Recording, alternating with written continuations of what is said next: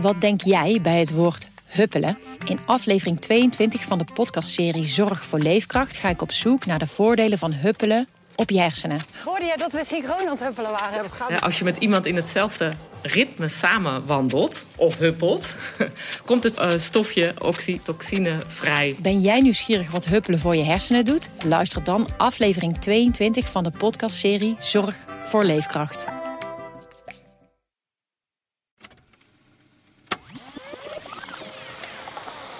Hallo, mijn naam is Shaila Zital Singh.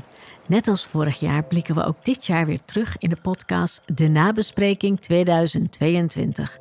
Hoe staat het met de oorlog in Oekraïne? Gaan we ten onder aan inflatie? Dragen we nog mondkapjes? Vijf redacteuren werd begin dit jaar gevraagd naar hun visie op 2022. Hadden ze het bij het rechte eind? Waren ze te somber of juist veel te optimistisch? Aan de hand van voorspellingen die zij aan het begin van dit jaar deden, blik ik samen met Volkskrant hoofdredacteur Pieter Klok terug op het roerige jaar 2022. Luister naar 2022 de nabespreking, exclusief in de app van de Volkskrant.